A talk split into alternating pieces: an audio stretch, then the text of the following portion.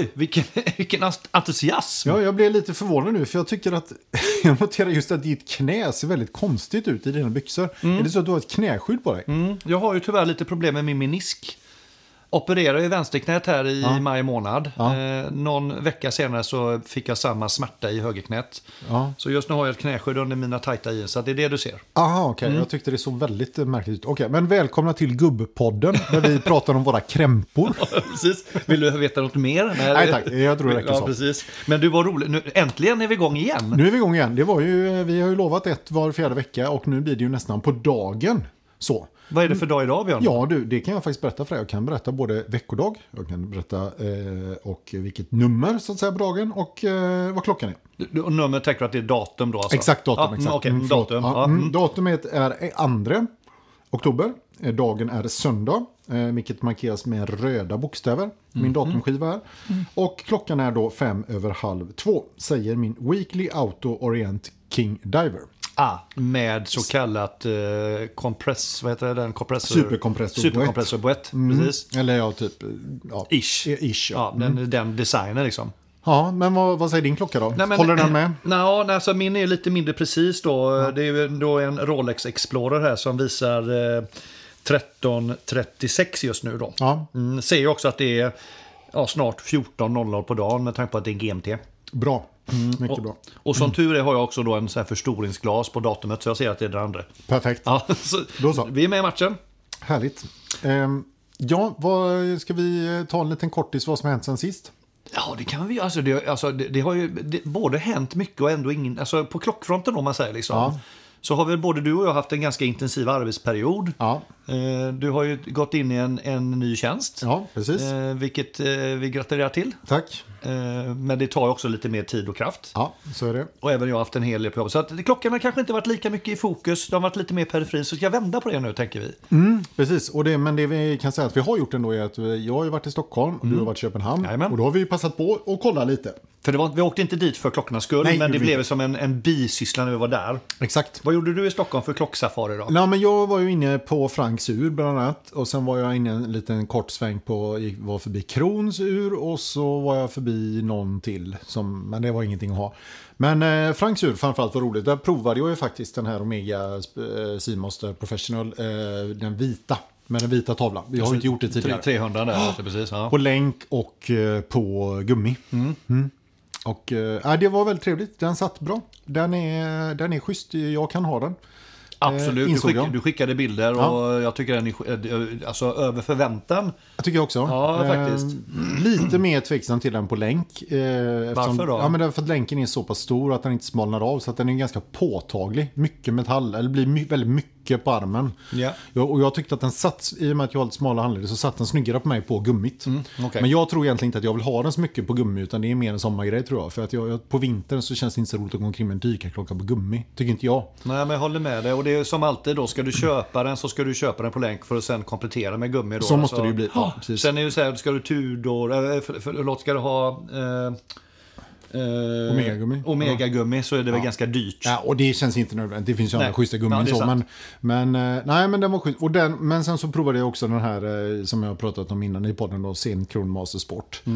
Och den satt ju så jävla fint. Mm, den var du nöjd med. Ja, var så snygg. Åh, det jävla verket om man kollar genom see-through casebacken där och ja, El Primero-verket där med, ja, och så tiondel sekundmätning på kronografen. och, Ja, nej, den är... mm. Och sekundvisaren bara flyter Ja, fram. ja, Den, den ja, syns knappt snabbt att den hackar. dessutom. Liksom. Ja, nej, den är, ja, den är maffig alltså.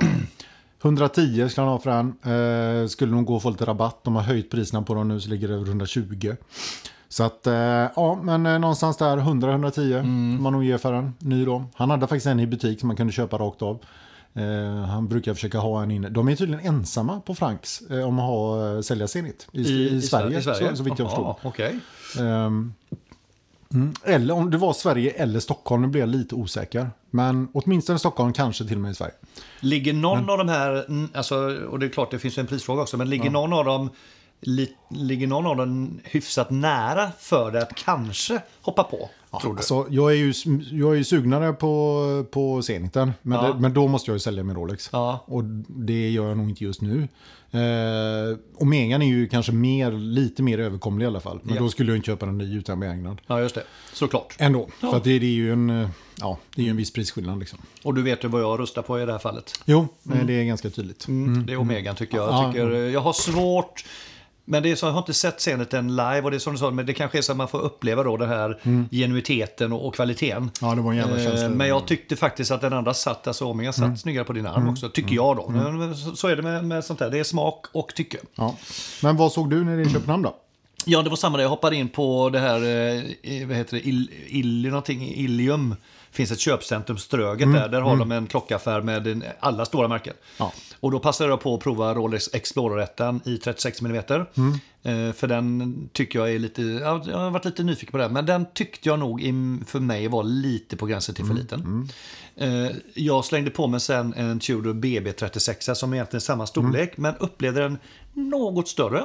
Vilket blev mer klädsamt. Plus att jag då valde den i eh, two-tone, alltså guld och silver.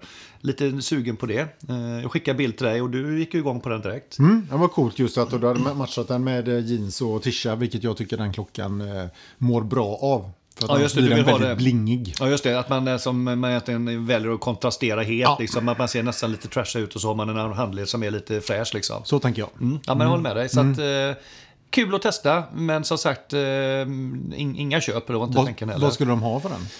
Tudor. Det, det var också det innan jag insåg då att den danska kronan stod i 1,45 mot Ja. svenska. Så tyckte Så jag, först tyckte de var billig? jag tyckte Ja. priserna såg, vad bra priser de har i Danmark. Ja. Eh, tills jag räknar om då så var det inte så bra. Nej. Nej, men den listade är den ju på runt 40-50 tror jag. Jag tror det är äkta guld också. Jaha. Så den ligger på Ja. 50 i listpris. Så, så, så jag tror att den låg där på typ 29 000 danska och det blir väl där omkring. Ja, ja, okej. Mm. Så att, eh, nej, den får man nog leta också på andrahandsmarknaden. Men kul, Mm. det är kul att safara.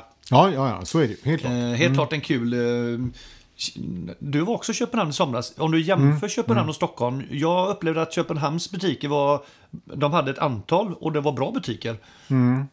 Vet du vad du har någon... Du Mm. Nej, jag, var, jag, var, jag var runt för lite för Ja. att kunna göra den bedömningen. Men det roliga med den som du var på på Ströket där var ju att den också hade pre-owned.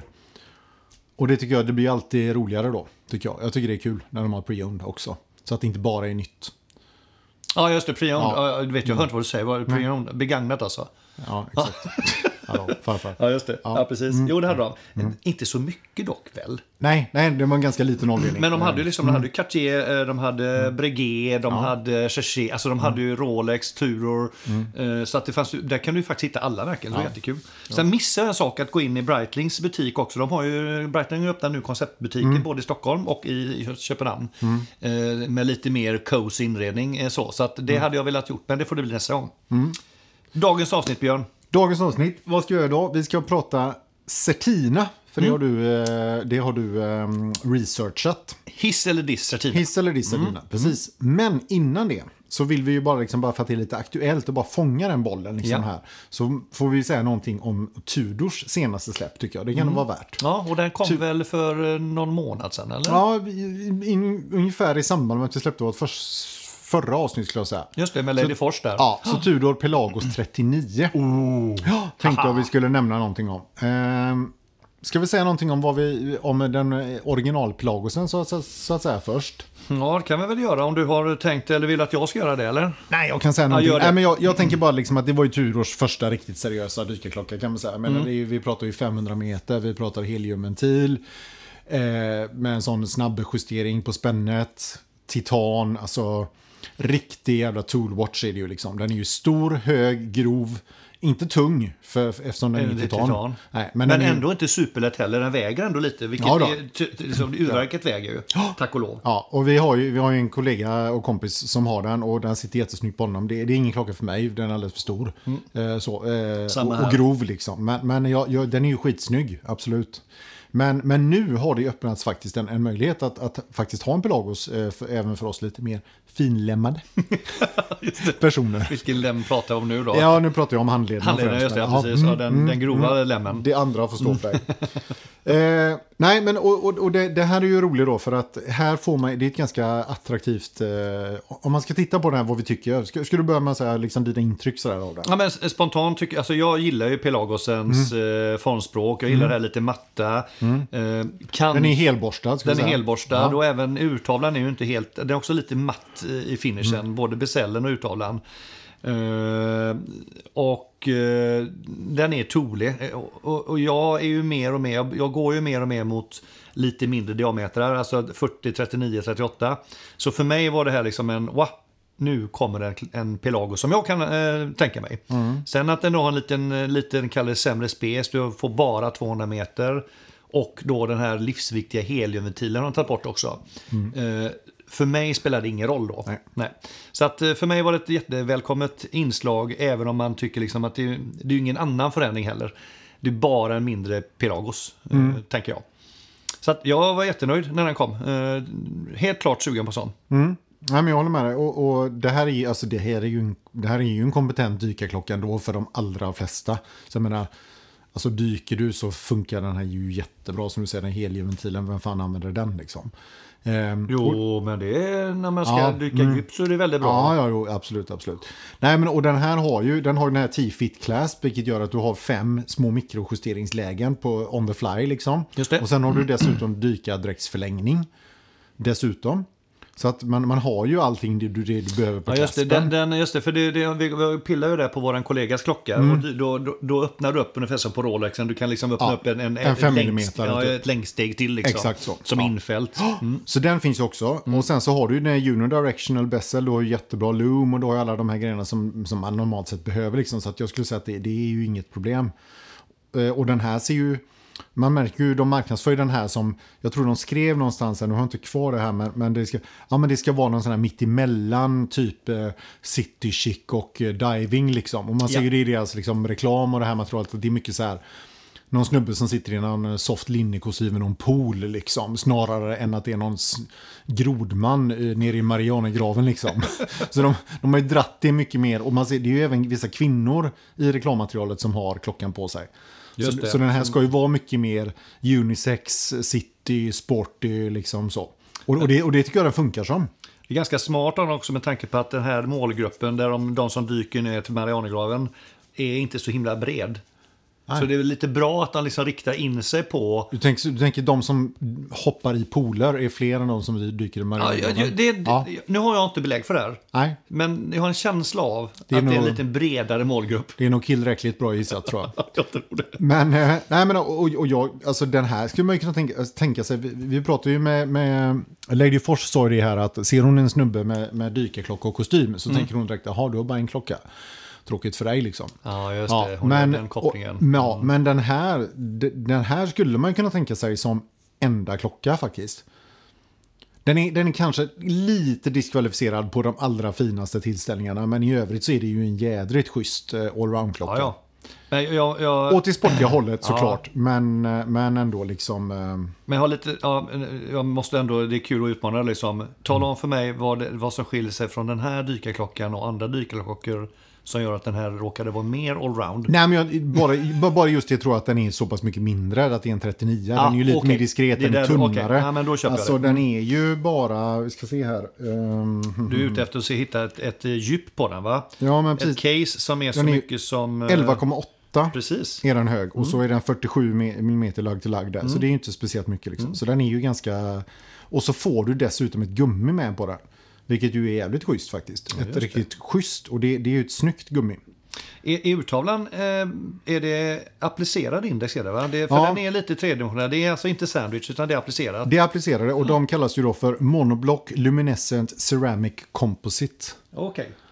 Det enda jag kan sakna för att den ska vara liksom ännu mer allround det är ju datumet faktiskt. Jag, Just det. jag tycker det kunde man gott klämt in. Men mm. visst, okej. Okay, estetiskt och, och, så vidare. Jag, jag köper det. Mm. Men det hade varit ännu, ännu mer nice. Jag har gått lite åt det hållet, rent som du säger estetiskt, att eh, få en dykare att inte ha datum kan jag tycka är mm. snyggt. Men mm. jag, mm. sen håller jag också med dig som du också har sagt innan, mm. att datumet är en av de komplikationerna förutom då tidvisningen Mm. som man faktiskt använder väldigt ofta. Ja, Men jag kollar, nog, jag kollar nog datum på min klocka. Nu är det ju för att jag liksom håller på mycket med datum och olika här grejer i jobbet. Men jag kollar nog säkert fem gånger om dagen på datum faktiskt. På Men då klocka. tänker jag kanske inte det, det är ett annat bekymmer då. Vadå? Hur är det med ditt minne? Ja, det, är- För när du vaknar på morgonen så är det inte något annat datum två timmar senare. det ändras inte efter dag, under dagen alltså. Nej, alltså det, det, Nej. Så det, det, det hade varit en kul podd i sig. Undrar varför du behöver kolla på... Ja men det går liksom med Jag automatik. vet vad du menar. Ja, det gör ja. det. Jag förstår. Man, Ja. man, man tänker inte utan man bara gör det. Jag gör Exakt likadant. eh, Men man vet ändå vad det är för datum. Jo, jo, jo om, om jag skulle tänka efter så är det ju så. Men Du, hiss, eh, en, hiss- jag måste bara säga en Ja. sak till. Den har ju heller inga så här full rivets. Den har inga såna här falska nitar på armbandet, vilket ju är jävligt gött. Så de slipper man ju. De som de envisas med att behålla på, BB58. BB58, ja. ja. Det, det, och det har ju aldrig varit på, på Tudor, eller på Pelagos, så det är ju inte så. Men det kan också vara värt att bara... Vad har de då förresten? För jag ser inte ens några... Jag tror, att, jag tror att det är skruvade, skruvade äh, länkbitar på den. Mm, Okej, det kan det vara. Vi tittar närmare sen. En annan skillnad som jag också noterar på Claspen är ju på, eh, på den stora Pelagosen. Förutom då det här snabb eh, justeringen så är det yttre lägen av snabbjusteringen så är den fjäderbelastad också. Så att den där kan flexa. Ja, du menar den stora Pelagosen? Den stora Pelagosen, Ja, den det. har- den här har inte det. Det här har inte Nej, precis, nej. det här har bara snabb, Fasta lägen. Mm, Fasta lägen. mm, ja. Så att eh, det är lite coolt faktiskt Ja. på den stora. Ja. Nej, men så att eh, ska vi säga någonting om, om Tudor Pelagos 39 så är det ju en, jag skulle säga att det är en solklar hiss. Superhiss tycker jag. Superhiss. Mm, absolut. Återigen kan vi säga Tudor, Tudor levererar. Tudor levererar Ja. faktiskt. Det är ja, Ja, jag gillar Tudor. De imponerande. Är, ja, det är ett eh, fett märke. Vad, vad, vad skulle man säga då? Tudor, Pelagos eller Black Bay 58 då? Vad, den, är- helt, helt olika uttryck.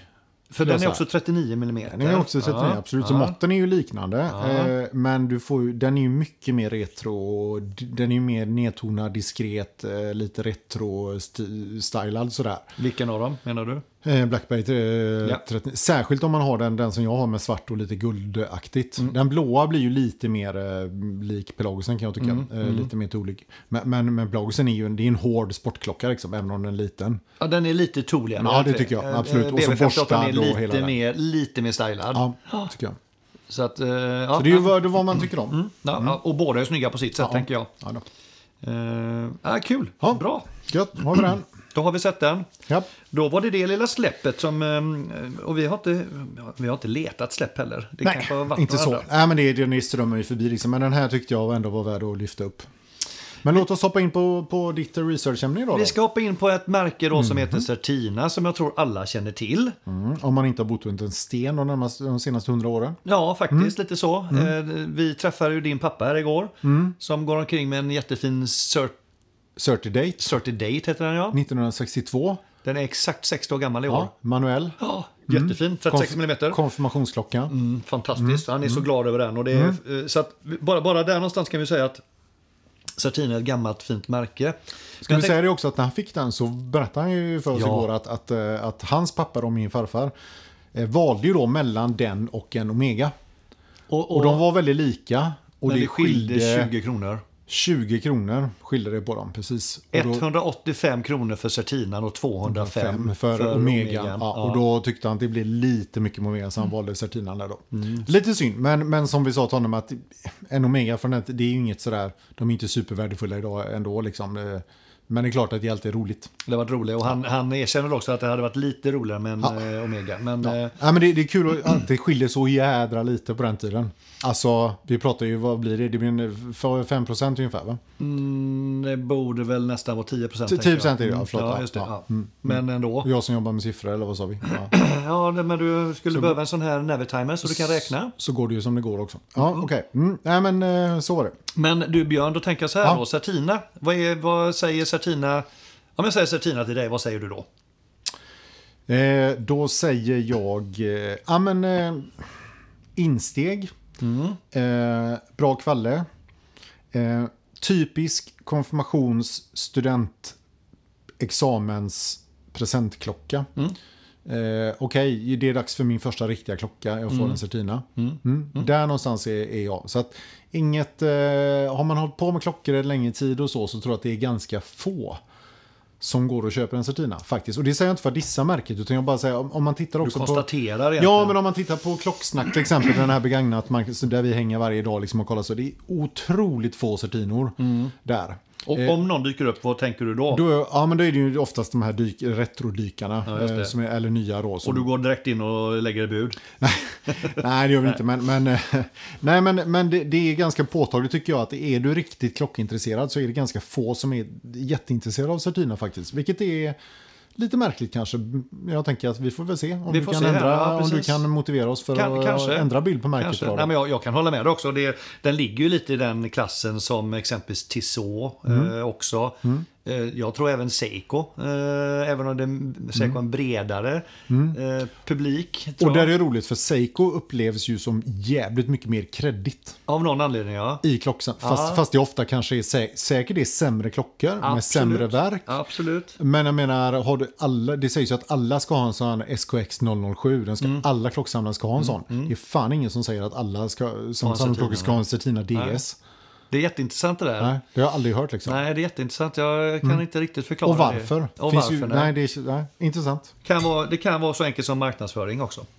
Så kan det vara. Det Kanske. det är inte helt sällan att det är en, en faktor. Men jag tänkte jag skulle börja med att säga liksom att, att ehm, jag tror att det här avsnittet kommer vara lite för att också bygga lite cred till det här märket som är ett av de mest etablerade märkena från Schweiz. Eh, Vad heter landet? Schweiz. Tack. Ja, jag kan inte prata alltid. eh, Det synd då att du har gett dig på just mediumet podd. ja, precis. Men jag tränar ju på mitt talfel. Det bygger, jätte- bygger ganska det är mycket jätte- på tal Det är nämligen. jättebra är det. Ja, okej. Nej, men de, de kan säga, generellt sett kan vi säga att de har varit kända sedan starten att ha egen produktion och var ett av de liksom första producerade armbandsklockor. De säger att de var en av de första att producera en digital display och också en av ledarna när det gäller att ta fram klockor som är stöt och vattentåliga. Då. Så att det går igenom hela deras så att säga, eh, produktlinje, det här med att vara stöttålig, vattensäker och reliable helt enkelt. Eh, Det var en, en eh, urmakare som heter Peter Roberts som var i deras fabrik då på 70-talet. Eh, Och det var också det som gjorde att han blev intresserad av att börja samla på Certina-klockor. För han, han blev grymt imponerad av deras, eh, eh, deras fabrik. Att de verkligen är helt autonoma, så här självständiga. Att de, de gör alla sina komponenter själva och de har till med egna verktygsmakare. Alltså verktygen som sen gör komponenterna. Eh, tillverkar de själva. De har eget metalllaboratorium och egen värmebehandlingsanläggning och allt det här. Så att oerhört eh, självständiga. Eh, och, och det kommer därifrån, liksom, att de startar ju sin, sin bana 1888. Eh, och då var de från början eh, ett företag som bara tillverkade urverk och komponenter för andra klocktillverkare. Ja, det är intressant. Ja, så de började inte som ett, ett klock, alltså klocktillverkare utan komponenttillverkare. Eh, och det var först efter 18 år, det var då 1906, som de själva tillverkade sin första klocka under namnet Grana. Eh, Grana kanske det heter. Och Grana är då en förkortning av Granacus. Och Granacus då, är, som alltid då, då är det det latinska namnet för orten Grenchen. Såklart. Och det var där då allting startade gränsen. Eh, vill man veta så var det Adolf och Alfred Kurt som startade bolaget 1888. Hette han Kurt i efternamn? Eh, de hette Kurt i efternamn med H i slutet, Kurt. Okej. Och det otroligt väl populära namnet Adolf. Just det, precis. Mm. Som ju är... Jobbar i uppförsbacke får man säga. Ända sedan 30-40-talet. Ja, framförallt 40-talet tänker jag nog. Har ju... Nej, har inte riktigt tagit sig. Nej, det hade varit kul att gå in och kolla på vad det ligger i listorna idag, liksom i namnlistorna. Stackare. Inte jättehögt tror jag. Nej, det, det är nog så. Mm, Eh, sedan fortsatte de sin resa i alla fall. De här Granaklockorna då, som de tog fram eh, gjorde succé. Eh, de fick flera priser för deras kvalitet. Eh, och sedan så, eh, som i många andra sådana här klocksammanhang, så, så eh, tar eh, sönerna Irvin och Hans eh, går in i företaget och fortsätter då att driva det vidare och lyckas ta sig igenom depressionen på 30-talet. F- Får jag bara komma med ett inspel här? Du får komma med När- när alla inspel i världen. Mm, tack. När du nämnde det här att de hette Grana innan, så ringde det en klocka i huvudet på mig. Ja. Jag tänkte, vad fan har jag hört det? Jo, Dirty Dozen. Du vet de här 12 militärklockorna som Ja. eh, beställdes. Ja, En av dem är Grana. är det sant? Ja, och det märket har jag aldrig hört innan, men nu kopplade vi ihop det. Det var Certina på den tiden alltså. Så en av de tolv var Grana. Och det vill säga Certina. hjälp mig med sto- storyn kring de Dirty Dozen. Ja, men det var ju br-? Mm. brittiska armén eh, tog ju fram en spes och så skickade de ju ut, bad de ju om offerter och då fick de ju klockor och, eller godkända offerter från 12 olika klocktillverkare. Och då var ju Grana en av dem. Det var ju Buren, Syma, Eterna, eh, Ah, Coultre, det var ju Longines, ja men alla de här. Vet du vilket, när var det ungefär i tiden där då? För det borde ju vara där någonstans i början på 1900-talet då. Eh, nej, nej, nej, inte, inte så tidigt. Jag tror att det är början på, på andra världskriget typ. Eh, Det, det kan nog stämma. Mm. Vet du varför då? För då kommer jag till nästa eh, här att Certina Mm. Eh, registrerades som varumärke först 1939. där ser du. Ja. Mm, då var det strax där Och innan först, kanske. kan man det var först i slutet av 40-talet som Mm. de valde att byta helt åt allting därefter. Så här, säg början på 50, då hette allting Certina. Då Mm. Okej. var Grana-märket borta. Ja. Så det kan nog stämma ganska väl där då. Coolt. Eh, kan du gissa var Certina kommer ifrån då? Ja, det är alltså latin certus, tänker jag då. Ja, snyggt! Säkerhet. Ja, eh, Engelska certain. Ja, ja Certus. precis. Eller certified. Eller, ja, mm, Ja, och det, så det stämmer bra. Det är liksom, eh, väljer de då ett, ett begrepp då som, som också går igen då i det som, eh, de har ju, nästan alla modellserier idag har ju någonting som heter DS. Just det. Och, det, står för, vad tror du det står för då? Ja, ja, nej, jag, Ja, du vet inte? Nej. det står för Double Security. Eh, och eh, det... Och med det menas? Då, och då var det så här liksom att, att de, de, de satte igång sin, sin eh, alltså, nästa steg i deras utveckling var i mitten på 50-talet och det var då de släppte sin eh, klocka som hette DS eh, 1959 och det var dåtidens mest tuffa och tåla, tuffaste och tåligaste klocka. Eh, Enligt Certina. Ja, enligt Certina och eh, ja, det här är svårt att säga vad som är, det är ju alltid jo. med sån här search. Men, men det som de hade jobbat ganska mycket med det är att de, de ville göra klockor som både var vattentåliga ner till 200 meter. Mm. Men också att de tålde att tappas. Så just den här första modellen tålde ett dropp från 6 meter. Mm. Och det de jobbade med då, det var att de jobbade med hur man fäste in då urverket i boetten. Som hade någon form av man bäddade in urverket i en gummiring då som tog Mm. upp stötar, en så kallad elastisk montering. Mm. Eh, och givetvis packningar och sånt då för att tåla mer tryck under vatten. Mm. Och dessa innovationer togs senare upp av märken som IWC, Zenit och Tissot. Så här var kul att gräva lite djupare, det har jag inte gjort nu då. Mm. För att se om verkligen Certina var en av de som satte, eh, satte standarden då för det här med att klara stötar och sånt Mm. Och så blir man ju nyfiken på om, det, om de fortfarande, för deras klockor heter ju fortfarande DS. Ja. Eh, om de fortfarande har det systemet. Alltså det vill säga att de ligger inbäddade i packningar och sådär. Ja, om de- absolut, det har de. Det? Ja, ja, det, Okej. det, det, det är det Det är det de kör, Sen liksom. tänker Okej, jag mig ja. att det är klart att den, den tekniken är mer förfinad Jo, jo, jo, och precis. Mm. finns i princip i alla klockor idag Ja, som, har, är som, som, är, eh, som är mekaniska, automatiska och som, Mm. som har en prislapp som är kanske 5000 upp. Jag tror att det här är ganska, idag ganska enkelt att uppnå Ja, ja. det där. Mm, Efter det här då så eh, börjar de nu då starta sin utveckling och eh, börjar ge sig både upp i luften och ner under ytan i större skala. Så att eh, i början på 60-talet så fanns det en expedition som skulle klättra upp på det sjunde största, högsta berget i världen. Daulagiri i, gissa vilken, 8167 meter. Då får du gissa Ja. vilket land vi är i. Ja, över 8000 då tänker jag att då ligger det åtminstone i bergskedjan i Himalaya. Ja, och det stämmer rätt bra. Det var i Nepal då. Så att de, de här då, eh, klättrarna, de hade en Certina DS, eller hade Certina DS på sig som då klarar av det här, såklart. Eh, för att utvecklas ytterligare inom, inom eh, vattenresistans så ger de sig ner på djupen 65. Eh, deltar då i ett undervattensprojekt som heter Sealab 2. Eh, och det är då forskare och dykare som jobbar i en dykstation. Eh, och här hade man också då DS-klockor på sig. Eh, sen tog man ett steg till i slutet på 60-talet, 69. Då går de tillsammans då med ett NASA-projekt som heter Tektite. Så eh, tar man då fram en modell som heter DS2. Super PH Okej. 500 meters. Nu byter jag språk här också. Ja, det var coolt. Det är ganska kul med språk också. Eh, Vad tror du, eller vet du vad PH står för den här super, DS2 Super PH 500? Ja, men det är ju någonting med hydro eller något sånt där tänker jag med då säkert. det är mycket riktigt, det är det franska ordet, eller två orden, pressyr, hydrastik. Vattentryck. Ja, eller är det pressure hydrostatic? Ja. Är det ju såklart. Ja. För jag tänkte säga det, varför blandar de DS är ju double security? Men Ja. det är bara för att jag vill prata franska för att jag vet Ja, att ja, jag ja, kan så du det. försökte få det att bli franska? Så det är egentligen Okej. pressure hydrostatic. inte så- det var inte så kul längre. Nej, inte så. Nej. Nej, eh, och sen fortsätter de den här banan, liksom, de är med i Mount Everest och dap, dap, dap.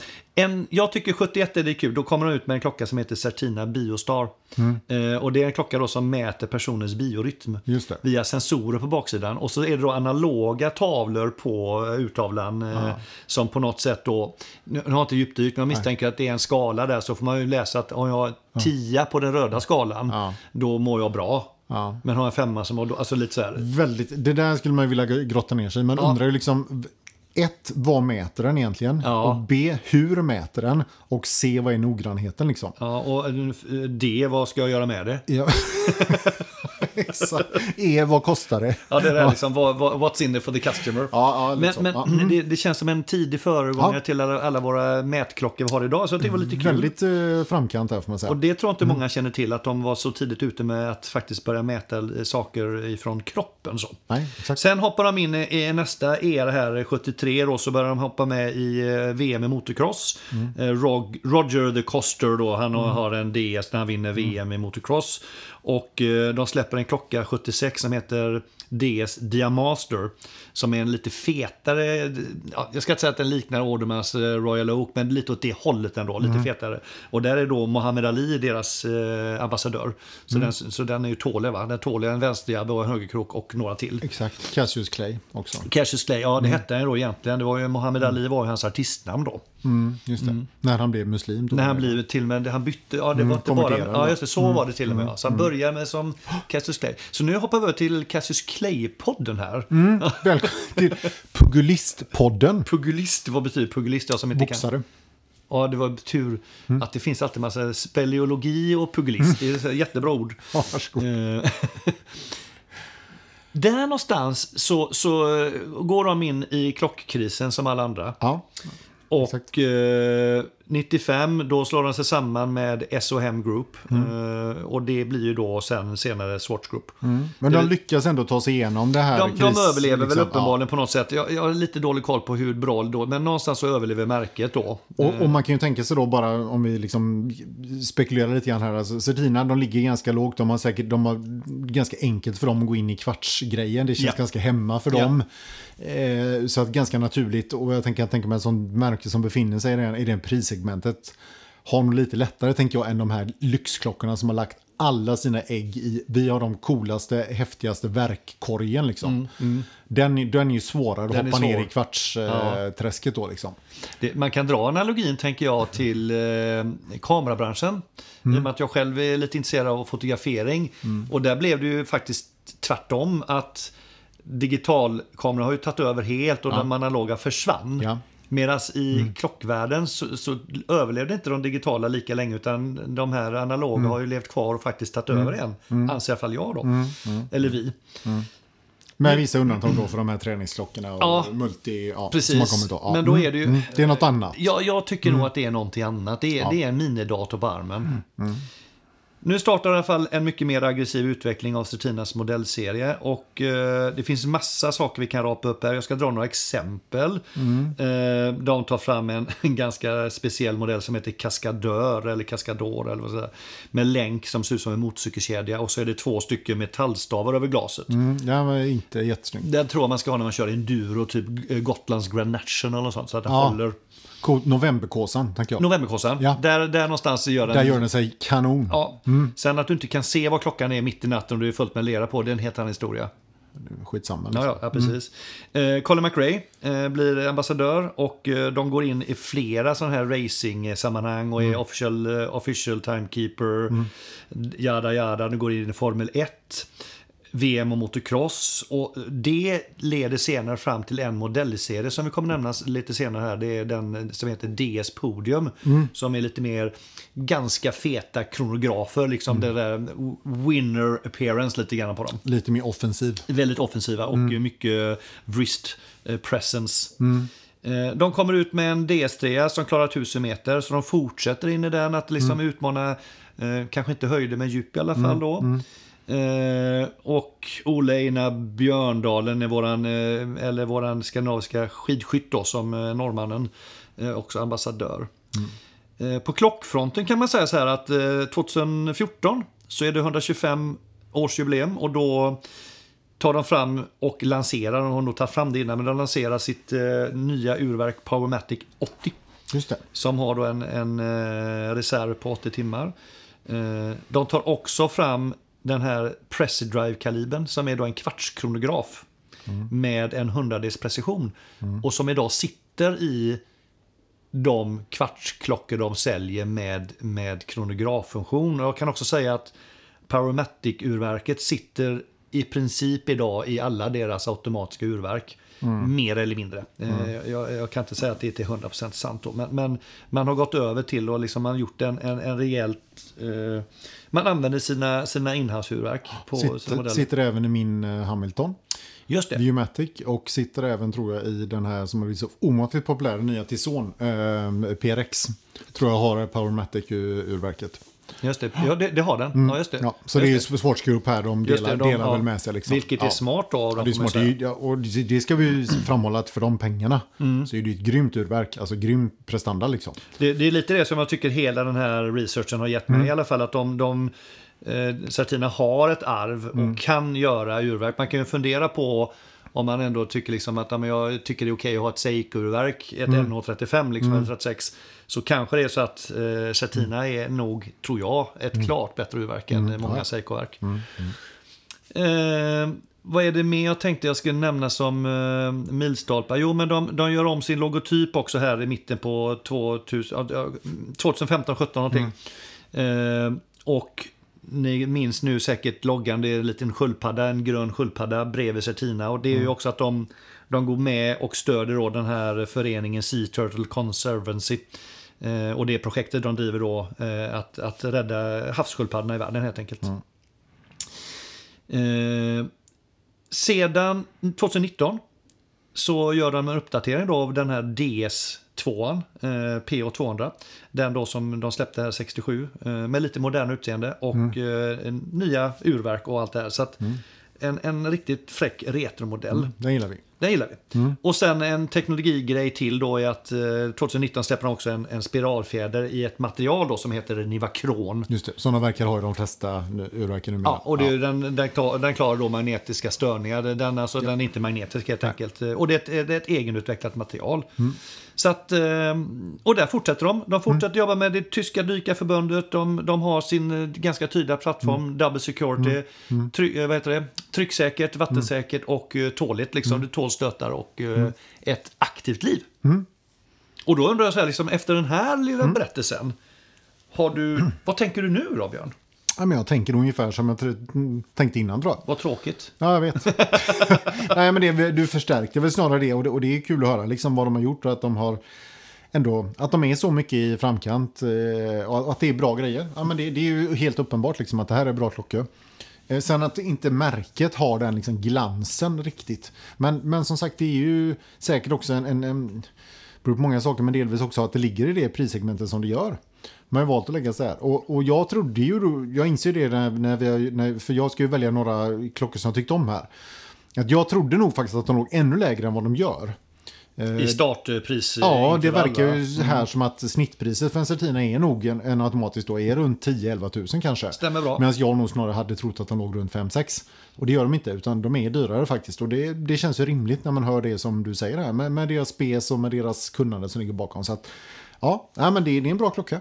Jag tror att det är så att eh, med införandet av eh, Powermatic och de här urverken så har de också stegat upp Mm. Hoppar lite. de upp lite? Ja, det känns ju Eh, rimligt ja. faktiskt. Mm. Och jag gör nog bedömningen att de, de flesta klockorna de har ligger i start 4-5 tusen som du säger. Då är det kvartsklockorna. Mm, just det.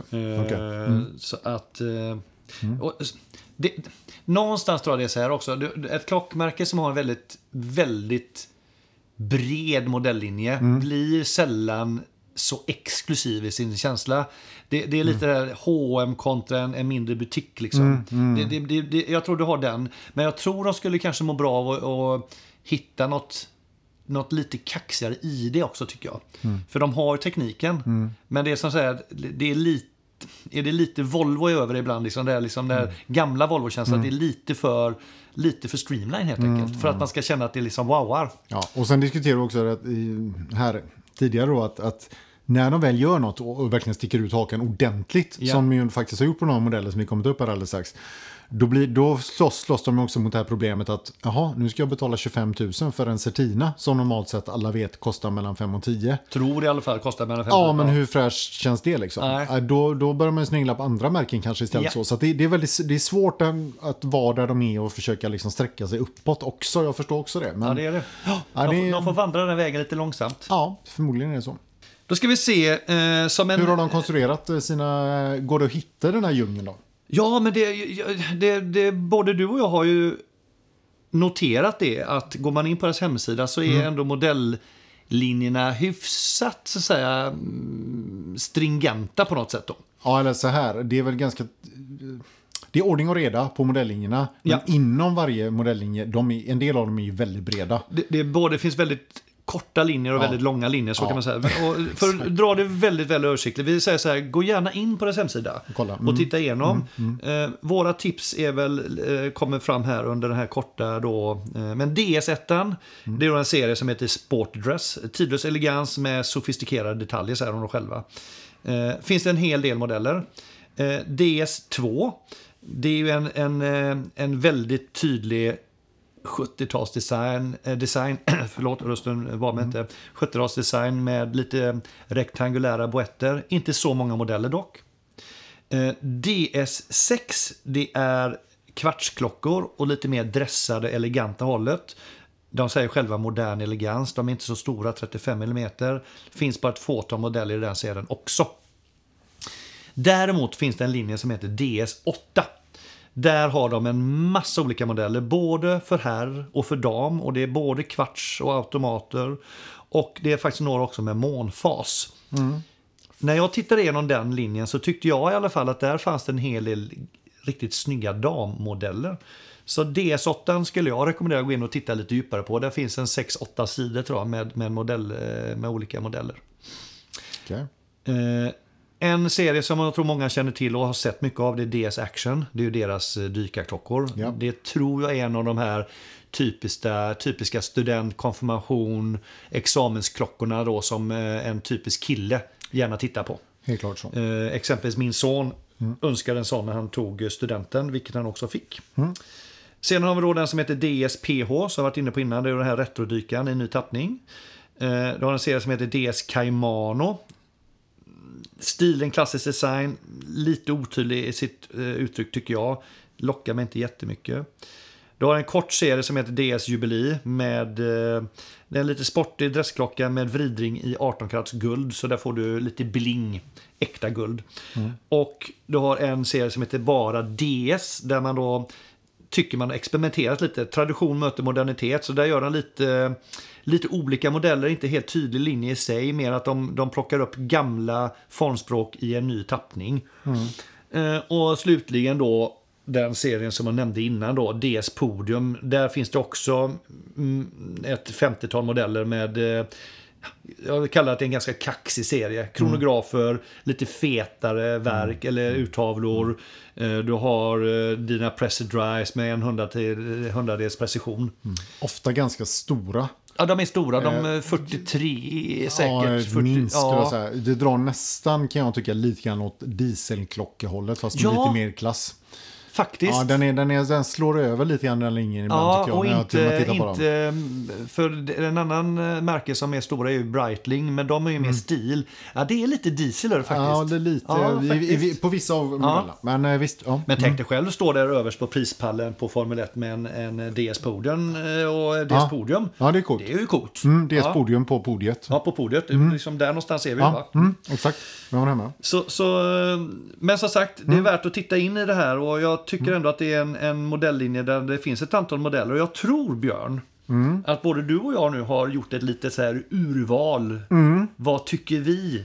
Mm, hissar och dissar. Vilka är våra det tre blir hiss, hissar? Det blir hissar då egentligen. Ja, jag tycker vi, diss, det går att dissa ett antal modeller, men Jo, det är ju rätt tråkigt. Nej, det är tråkigt. Ja. Det är roligare att, att sprida kärlek. Vad är det, vad är, va- vart vill du lägga din första Vi kärlek? börjar då? med DS Super PH 500.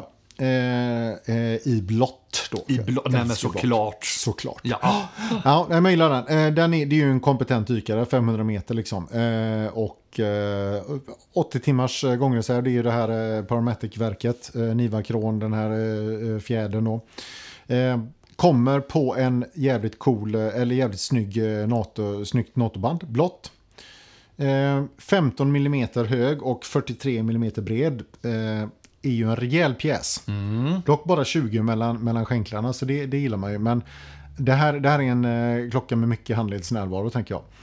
Eh, datum klockan tre tycker jag ligger rätt. Eh, är ju då upplockad från deras den här 60-talsserien, där, eh, PH.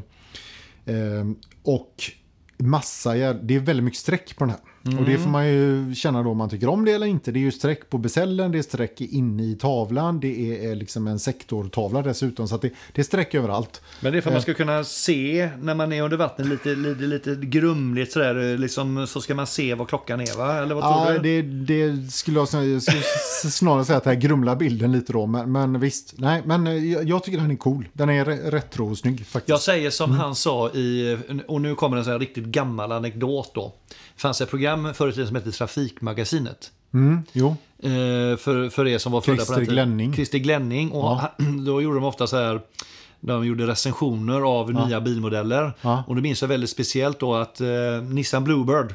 Mm. kom en ganska modern bil för tiden då. Ja. Och då är det här klassiska citatet att eh, instrumentbrädan förvirrar mer än förenklar. Och Oj det är då. lite samma här, tänker jag, att den här, den här uttalanden förvirrar kanske mer än förenklar. Ja, bra. Det, det var en lång sväng för att komma till den, men okej. Ja. Ja. Tycker den var ja. lite rolig. Ja, absolut. Nej, men så, den, den tycker jag är sjuk. 10 000 ska man ha för, för den. Det jag kan gilla med den Björn också det är att du har orangea accentfärger på Mm. Ja. Mm. DS och visarna och eh, på de eh, ja, 12, 3, 6, 9. Tittar du närmare också på själva boettringens Mm. innerkant, så att säga, eller besällens innerkant, så är den då, ja den är 16-kanten, om jag ska säga liksom. Eh, skapar ett visst liv i urtavlan. Mm. Jag tycker också i, jag tycker den är, Ja, den är snygg alltså. lyckad, eh, lyckad design den faktiskt. Och just det här sånt här retro tappningen då, att du får, får med dig någonting från förr. Den berättar en historia. Japp. Ja, Nej, den är schysst tycker jag.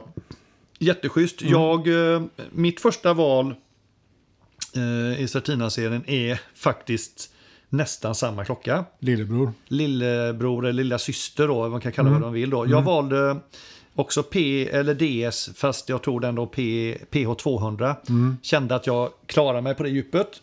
Men jag fastnade väl kanske lite mer då för själva färgsättningen då. Jag gillar den här svarta urtavlan. Du har en besäll som är lite välvd som en liten som en livboj, som en gum, eller som en falukorv kanske. Som du totalt dissade när vi pratade om den senast. Du tyckte det var jättefult att det ser ut som en falukorv på besällen. Ja. Men nu är den helt plötsligt het då. Ja, Ja. jag, jag vet inte om jag har jag sagt det. Eh, ja. När var det då? ja, det var ju några avsnitt sen. Det, var, det var när, när jag tog, vi, Är det, flera, är det flera dagar sedan? vi har diskuterat den här klockan tidigare och då Mm. pratade vi om tycker vi att den gamla med slät besäll är snyggare eller den här och då sa jag att ja, men jag tycker den nya med bullig besäll är lite cool. Du bara, "Ja, den ser ut som en falukorv. Ja, men, Mm. Men- men- nu är den het då. Nu är den. Bra. Och jag tror att eh, som en liten utvikning på den här då diskussionen så, så tror jag det här representerar ganska mycket, åtminstone min klockresa. Jaha. Det vill säga att jag ändrar smak med tiden. På Ja, riktigt. Du är liksom progressiv. Ja, och Framåtriktad. Jag, ja, och jag tror att det är så att jag, jag är nog så att jag, jag vill upptäcka nya saker. Och jag har aldrig haft en sån här Nej, falukorvsbesäll. nej, just det. Så då vill du ha det. Nu vill jag se hur det känns. Liksom. Bra. Mm. Okej. Känns lite också retro kan jag tycka. Då. Ja.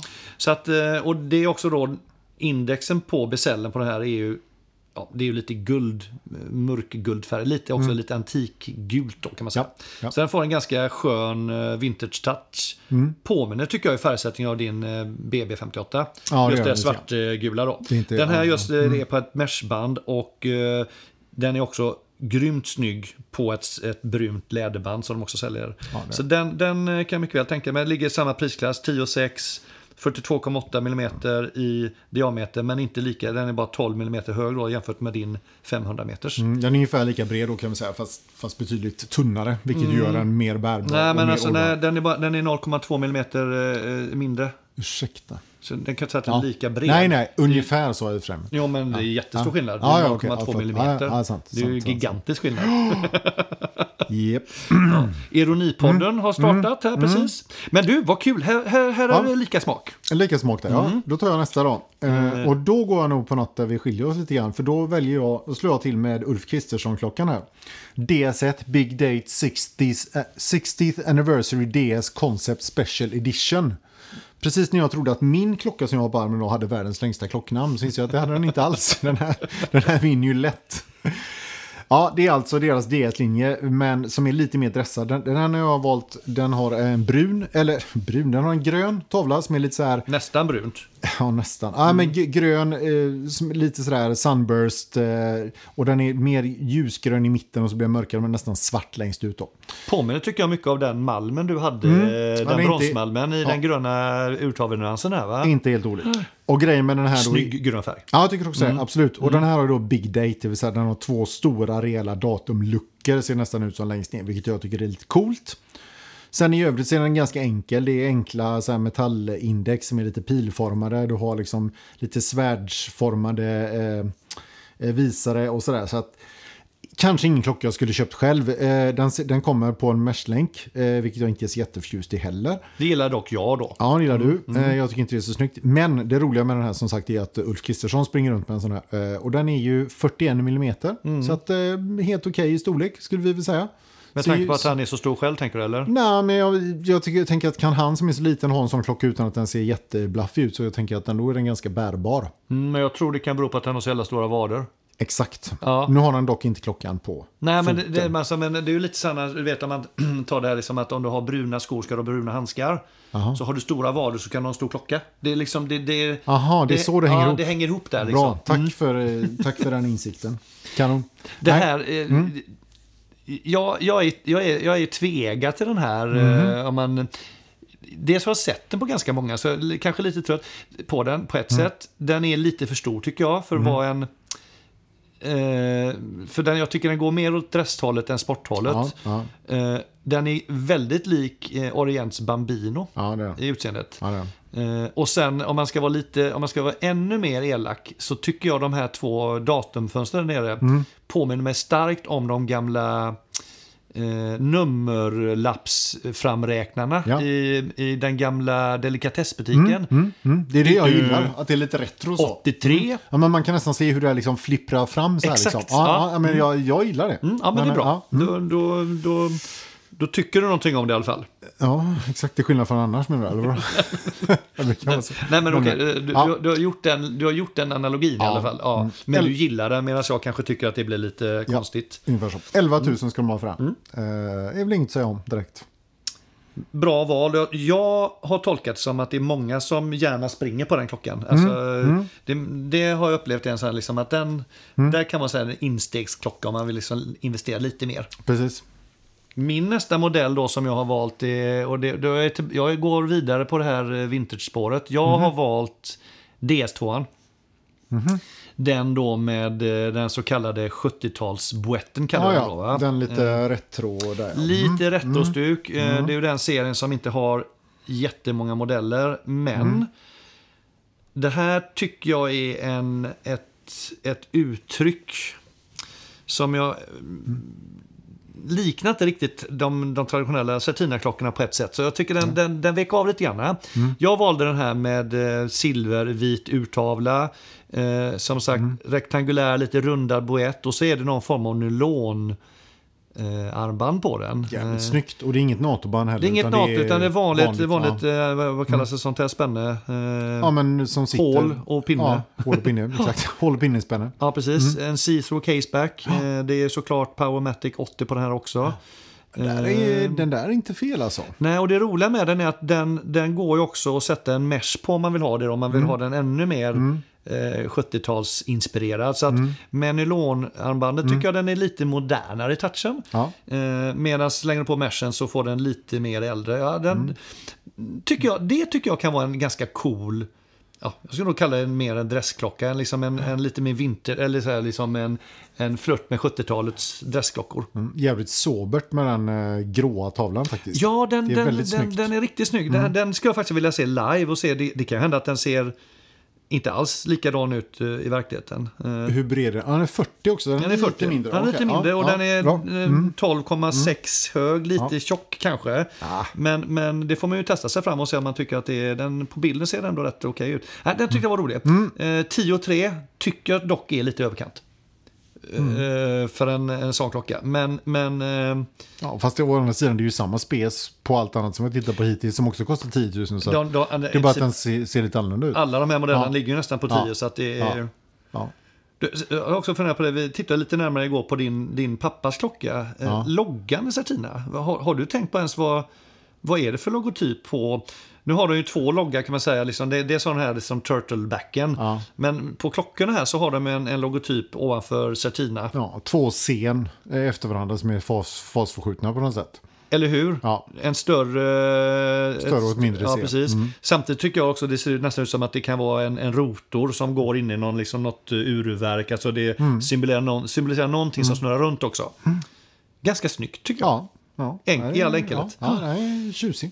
DS2 Powermatic 8 eh, med eh, en silver, vit, ja, det är silver kallar man mm. Skulle jag säga.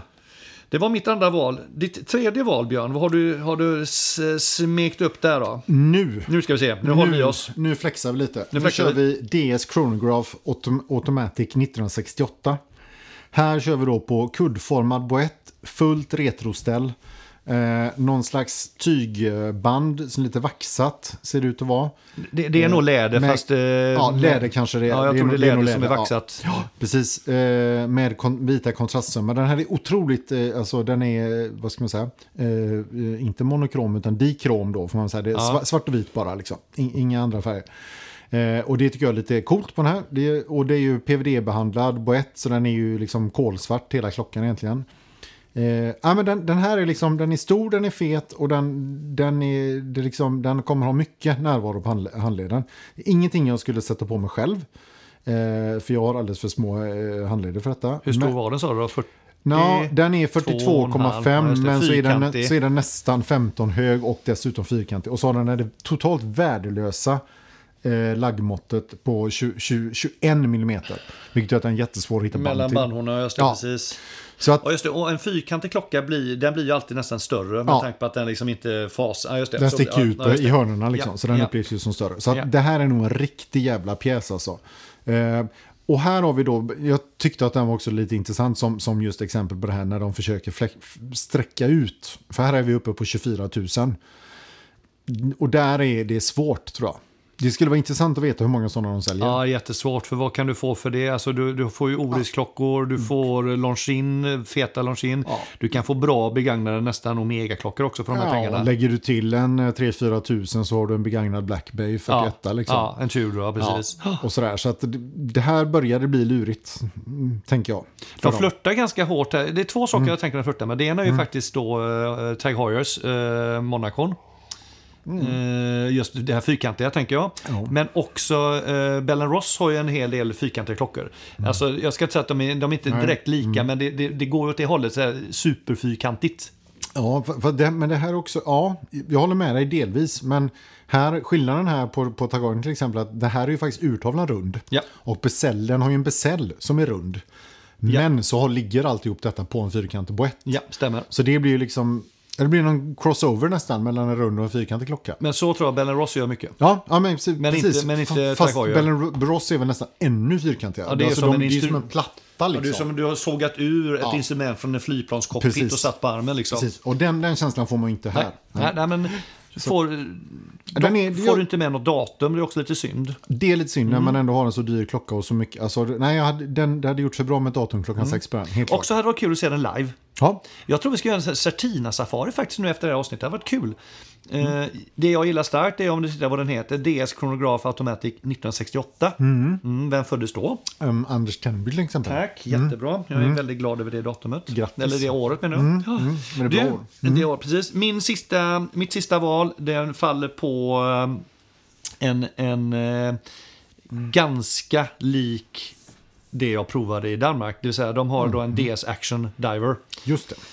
Som eh, är i två ton då. Eh, guld, silver och så är det svart urtavla med guldinslag då på indexen. Jag ska bara plocka fram den här. Det är därför jag sitter och låter som att jag tänker samtidigt. Eh, Men det här tillhör då Diver-serien och jag tror ju då att, eller Action-serien, vilket jag bedömer är den mest eh, kända serien av alla. Eh, här finns det många fina klockor. Eh, och den här är då på 39 mm. Den finns i olika storlekar. Nu Aha. plockar jag fram en 43 mm. Det här är en 39 mm. Eh, är och jag, jag, och jag är lite sugen på en eh, tvåtonsklocka. Eh, 9 och 3. Det är samma där. Eh, kan jag hitta en sån här begagnad, då hade jag nog banne mig slagit till. Eh, till med 38 mm Björn. Då. Så det är bra storlek, så Ja. den är inte jättestor. Eh, sen kan man diskutera det här. Guld och dykare. vad, ja. vad säger du om det? Eller vad tänker man där? Jag, vet, jag tycker väl att det är lite svårt på en, på en riktig, alltså en klocka som har ett väldigt tydligt dykutseende. Då tycker jag nästan hellre att det gör sig bättre på sport, alltså lite mer sportdress, typ din Aquaterra, lite Rolex Explorer åt det hållet. där, där, det. där tycker jag att, det, att en, en tvåton och guld kan göra sig lite svårt för det på heldyklockor. Men, vad, vad- eh, vad visst- skiljer då? Den, om man tar den här då så tittar man på eh, Tudor BB39 exempelvis då. Mm. Den tycker du inte är lika dykig. Nej men. BB, ja men det, va- eh, BB, vadå? BB58 finns ju inte som... Nej men jag tänkte den jag provade i Köpenhamn. Jag provade ju den eh, BB39 BB36. eller 36. Den, ah, ja, okej, just det. Ja, Ja. Nej, den är ju inte lika dyk. Den har ingen dykbesäll till exempel. Den har ju slät besäll. Just det, det är det som är skillnaden. Där har du, just. Mm. det, tack. Ja, bra. Det är det som är skillnaden. Och sen har du då din Blackberry 58 Ja. med besäll som har lite guldinslag.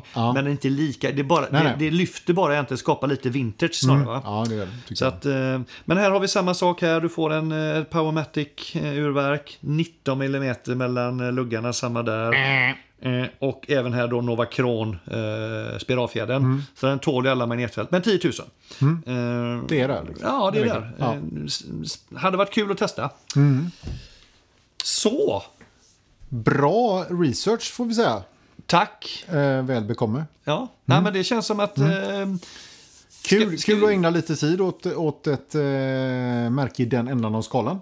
Ja, vi, det känns som att vi, liksom, vi har vandrat väldigt här, rakt fram åt ett håll bara. Ja, ja men lite så. Så vi är Men, tillbaka ja, lite ja, till, mm. vi har ju faktiskt även ett så här märke, Tissot, som vi inte heller har djupdykt i. Så Nej. vi kanske ska ägna oss åt någon, något avsnitt. Mm.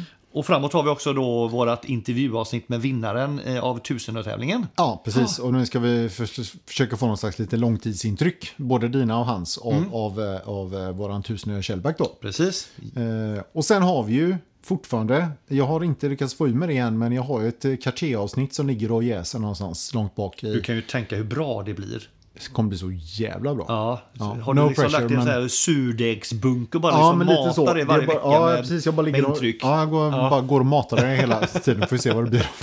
Men du, Ja. eh, och som en liten... eh, Ska vi bara summera Certina då? Har Ja. du med några få ord, Björn, vad säger du? Certina? Eh, insteg, eh, presentklocka, eh, mycket klocka för pengen.